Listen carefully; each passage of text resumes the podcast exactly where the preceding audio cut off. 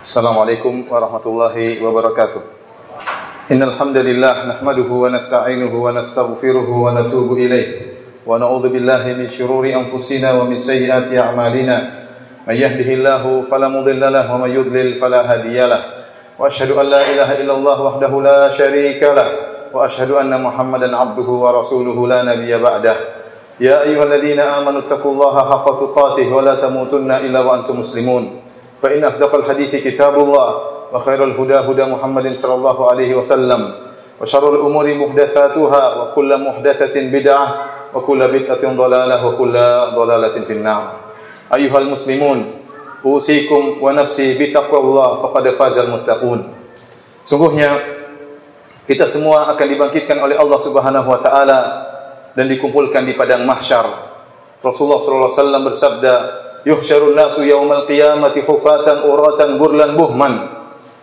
Manusia akan dibangkitkan pada hari kiamat dalam kondisi tidak beralas kaki, dalam kondisi tidak berpakaian, dalam kondisi belum disunat dan dalam kondisi tidak membawa apa-apa. Kama bada'na awwala khalqin nu'idu sebagaimana firman Allah Subhanahu wa taala sebagaimana kami memulai penciptaan demikianlah kami akan mengulanginya. Sebagaimana seorang tatkala dilahirkan di atas muka bumi tanpa pakaian, tanpa beralas kaki, tidak ada harta yang dia bawa, belum disunat, maka demikianlah dia akan dibangkitkan. Kemudian kita semua akan dikumpulkan di sebuah padang mahsyar di bumi yang baru, yauma tubaddalul ardu ghairal ardi, hari di mana di mana bumi diganti dengan bumi yang baru. Kemudian akan diturunkan matahari dengan jarak satu mil dari Al-Miqdad bin Al-Aswad radhiyallahu taala anhu beliau berkata sami'tu Rasulullah sallallahu alaihi wasallam yaqul aku mendengar Rasulullah sallallahu bersabda tuduna syams yaumal qiyamati minal khalqi hatta takuna minhum kamiqdari mil sungguhnya matahari akan diturunkan didekatkan dengan manusia pada hari kiamat sampai jarak dengan mereka seukuran satu mil kemudian Rasulullah SAW bersabda fayakunu nasu ala qadri a'malihim fil araq maka jadilah manusia ya dalam masalah keringat sesuai dengan kadar amalan mereka. Keringat mereka bercucuran. Faminhum may yakunu ila ka'baihi. Di antara mereka ada yang keringatnya sampai di kedua mata kakinya. Wa minhum man yakunu ila rukbatayhi dan di antaranya ada yang keringatnya sampai di dua lututnya. Wa minhum man yakunu ila haqawai dan di antaranya ada yang keringatnya sampai di pinggangnya. Wa minhum man yuljimuhul araqu iljaman dan di antara mereka ada yang keringatnya sampai di mulutnya. Hadis sahih riwayat Muslim. Hari yang sangat mengerikan yang Allah gambarkan dalam Al-Qur'an. Yauma yafirrul mar'u min akhihi wa ummihi wa akhihi wa ummihi wa abihi wa sahibatihi wa banihi. Likulli imri'in minhum yauma idzin sya'nu yughni. Hari di mana setiap orang akan lari dari ibunya, dia tidak akan pedulikan ibunya, dia tidak akan pedulikan ayahnya. Dia akan lari meninggalkan istrinya dan anak-anaknya, orang-orang yang sangat dekat dengan dia tatkala di dunia. Sangat dia cintai, istri yang sangat dia cintai, anak-anaknya yang dia dia rela bekerja keras membanting tulang demi anak-anaknya akan dia tinggalkan pada hari itu. Apa sebabnya? Likulli minhum yauma idzin sya'nu yughni. Pada hari itu masing-masing akan sibuk dengan urusannya. Allah berfirman, "Yauma yatadzakkarul insanu ma sa'a." Pada hari itu setiap orang akan ingat seluruh yang pernah dia lakukan. Dia akan dikumpulkan di padang mahsyar dan akan dihisap oleh Allah Subhanahu wa taala. Hari yang sangat panas, keringat bercucuran. Namun ada beberapa golongan orang yang bahagia pada hari tersebut. Tujuh golongan Rasulullah SAW sebutkan tentang mereka. Dalam hadis yang diriwayatkan oleh Imam Al-Bukhari dan Imam Muslim Rasulullah SAW bersabda, "Sab'atun yudhilluhumullah fi yaumin la dhilla illa dhillu." Ada tujuh golongan yang Allah akan naungi mereka pada hari di mana tidak ada naungan kecuali naungan Allah. Siapa mereka? Rasulullah SAW sebutkan pertama kali imamun adil, yaitu imam yang adil. Kemudian kata Rasulullah sallallahu alaihi wasallam, syabun nasya'a fi ibadatillah, anak muda yang mereka yang dia tumbuh dalam ketaatan kepada Allah. Tujuh orang ini seluruhnya telah melakukan amalan-amalan yang hebat. Yang pertama imam yang adil. Yang kedua anak muda yang dia tidak menghabiskan waktunya untuk berhura-hura, berfoya-foya, tidak. Dia habiskan waktunya untuk beribadah kepada Allah Subhanahu wa taala. Kemudian kata Nabi SAW, Rajulun qalbuhu mu'allakun bil masajid. Seorang yang hatinya rindu ingin ke masjid. Dia bekerja. Dia bertugas tapi dia rindu kapan dikumandangkan azan dia ingin ke masjid untuk sujud kepada Allah Subhanahu wa taala. Wa rajulani tahabba fillah dan dua orang yang saling mencintai karena Allah Subhanahu wa taala. Wa rajulun imra'atun dhatu mansibin wa jamalin faqala inni akhafullah. Seorang laki dirayu oleh seorang wanita yang cantik jelita.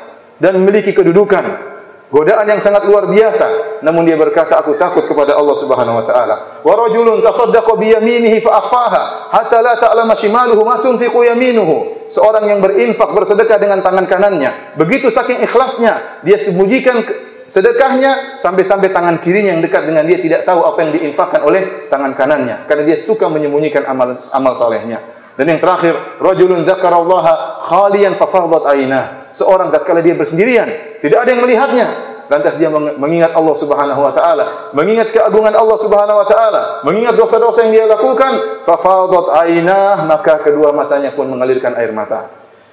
Hadis ini menjelaskan tentang tujuh orang yang hebat-hebat. Namun orang yang pertama yang disebutkan oleh Rasulullah SAW adalah yang paling hebat, imamun adil. Imam yang adil. Pemimpin yang adil.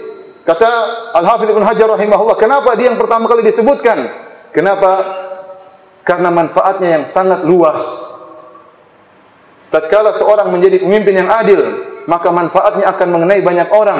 Bukankah Rasulullah SAW bersabda, Khairukum anfa'ukum linnas. Sebaik-baik kalian adalah yang paling bermanfaat bagi manusia. Tatkala dia menjadi pemimpin, lantas dia mengeluarkan peraturan atau dia mengambil kebijakan yang ternyata bermanfaat bagi banyak orang, maka dia akan dapat pahala yang sangat banyak. Rasulullah SAW bersabda, Wa ahabul a'mali ila Allah sururun tudkhiluhu fi qalbil muslim. Amalan yang paling dicintai oleh Allah adalah rasa senang yang kau masukkan dalam hati seorang muslim. Kalau dia melakukan kebijakan yang baik, betapa banyak orang yang senang, yang bahagia. Maka dia sangat dicintai oleh Allah Subhanahu wa taala. Maka dia yang pertama kali disebutkan di antara tujuh golongan tersebut. Para hadirin salat Jumat yang dirahmati oleh Allah Subhanahu wa taala. Dalam hadis yang diriwayatkan Imam Muslim Rasulullah SAW mengatakan ahlul jannati thalathah penghuni surga ada tiga. Yang pertama Rasulullah SAW sebutkan Dhu sultanin muqsid yaitu seorang yang memiliki kepemimpinan, kekuasaan dan dia bersikap adil. Siapa yang dimaksud dengan pemimpin yang adil? Dijelaskan oleh Al-Hafidh Ibn Hajar rahimahullahu taala dalam Fathul Bari bahwa yang dimaksud dengan pemimpin yang adil adalah sahibul wilayati al-uzma yaitu seorang yang memiliki kekuasaan yang penuh yaitu seperti presiden, seperti raja, kaisar dan yang lainnya. Wa yaltahiqu bihi kullu min umuril muslimin fa. Dan demikian juga termasuk di dalamnya seluruh setiap orang yang mengatur sebagian urusan kaum muslimin. Tidak mesti pemimpin yang berkuasa seluruh negara.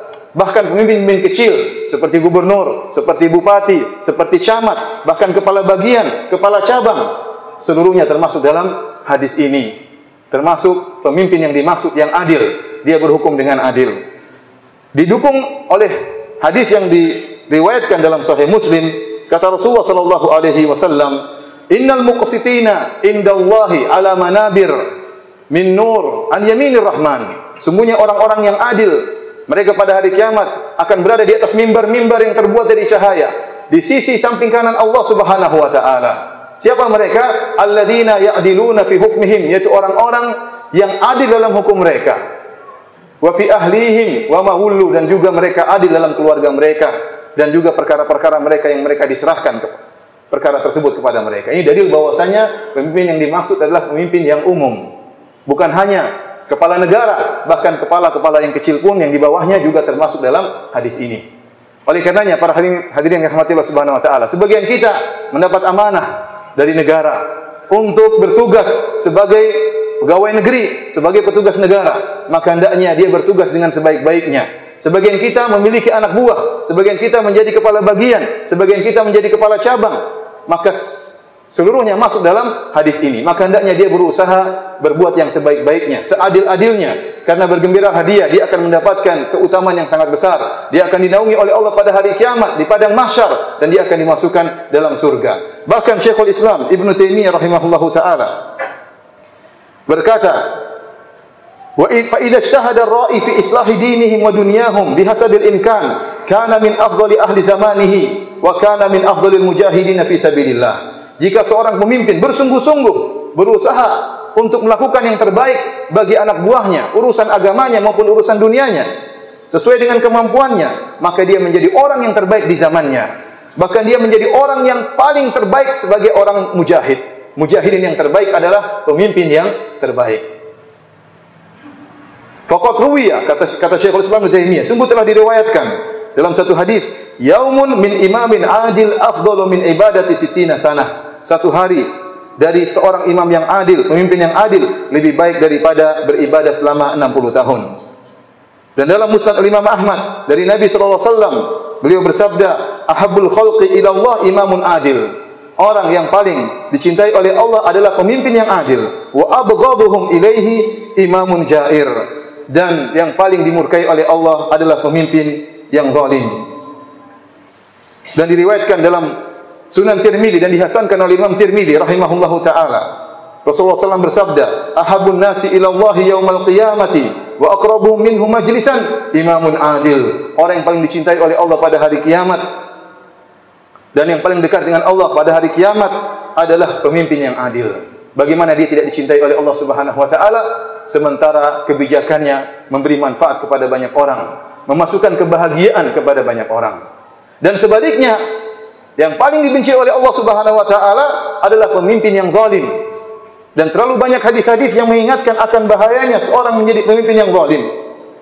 Dalam satu hadis Rasulullah SAW bersabda, "Ma min 'abdin yastar'ihi Allahu ra'iyatan yamutu yawma yamutu wa huwa ghashun li ra'iyatihi illa alaihi jannah." Hadis riwayat Bukhari dan Muslim.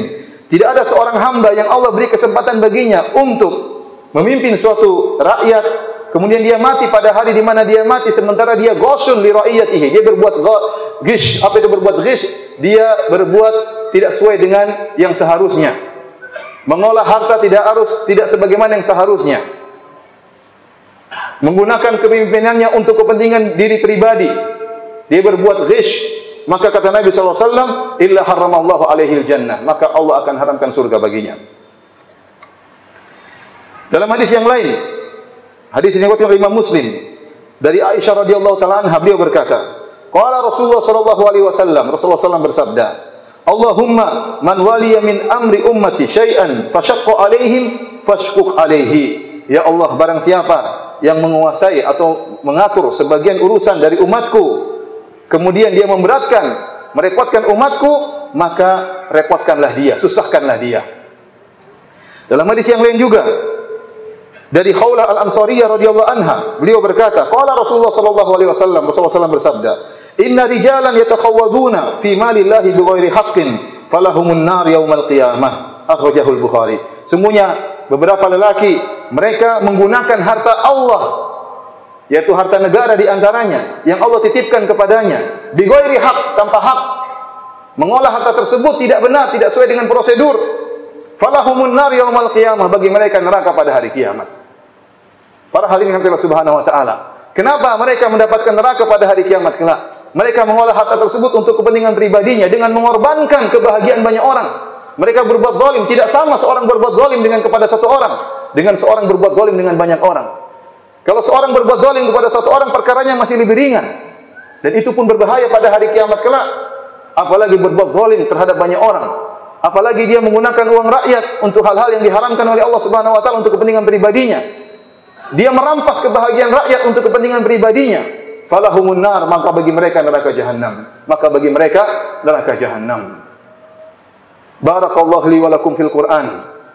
Wa nafa'ani wa iyyakum bima fihi minal ayati wa dzikril hakim.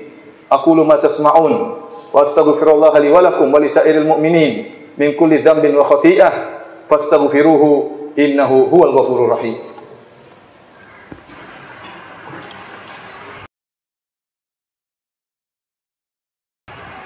الحمد لله على إحسانه وشكر له على توفيقه وامتنانه وأشهد أن لا إله إلا الله وحده لا شريك له تعظيما لشأنه وأشهد أن محمدا عبده ورسوله الداء إلى رضوانه اللهم صل عليه وعلى آله وأصحابه وإخوانه Hadirin yang dirahmati oleh Allah Subhanahu wa taala. Hari ini kita bisa beramal dan tidak ada hisab sebagaimana perkataan Ali bin Abi Thalib. Al yauma amalun bila hisab. Sekarang silakan berbuat, silakan bertindak, silakan melakukan keputusan, mengambil kebijakan, tidak ada yang mengaudit, tidak ada hisab. Wa ghadan hisabun bila amal. Adapun pada hari kiamat yang ada audit, kita akan diaudit oleh Allah Subhanahu wa taala, akan dihisab, disidang oleh Allah Subhanahu wa taala dan kita tidak bisa beramal lagi.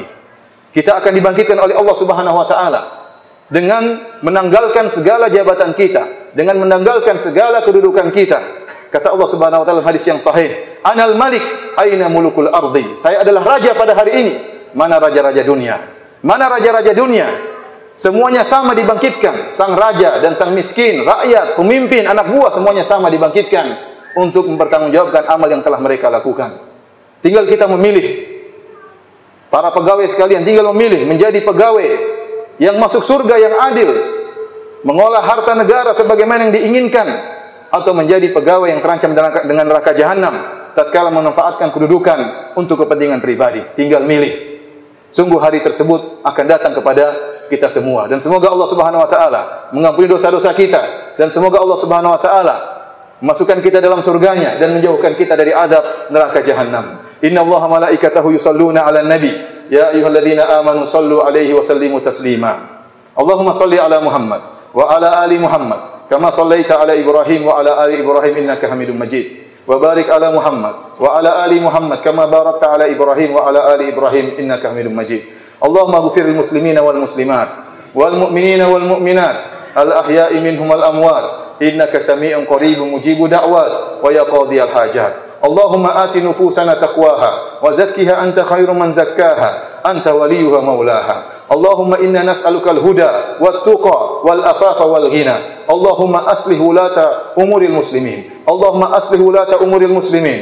اللهم أصلح ولاة أمور المسلمين. ربنا آتنا في الدنيا حسنة وفي الآخرة حسنة وقنا عذاب النار وقنا عذاب النار وقنا عذاب النار وأقيموا الصلاة.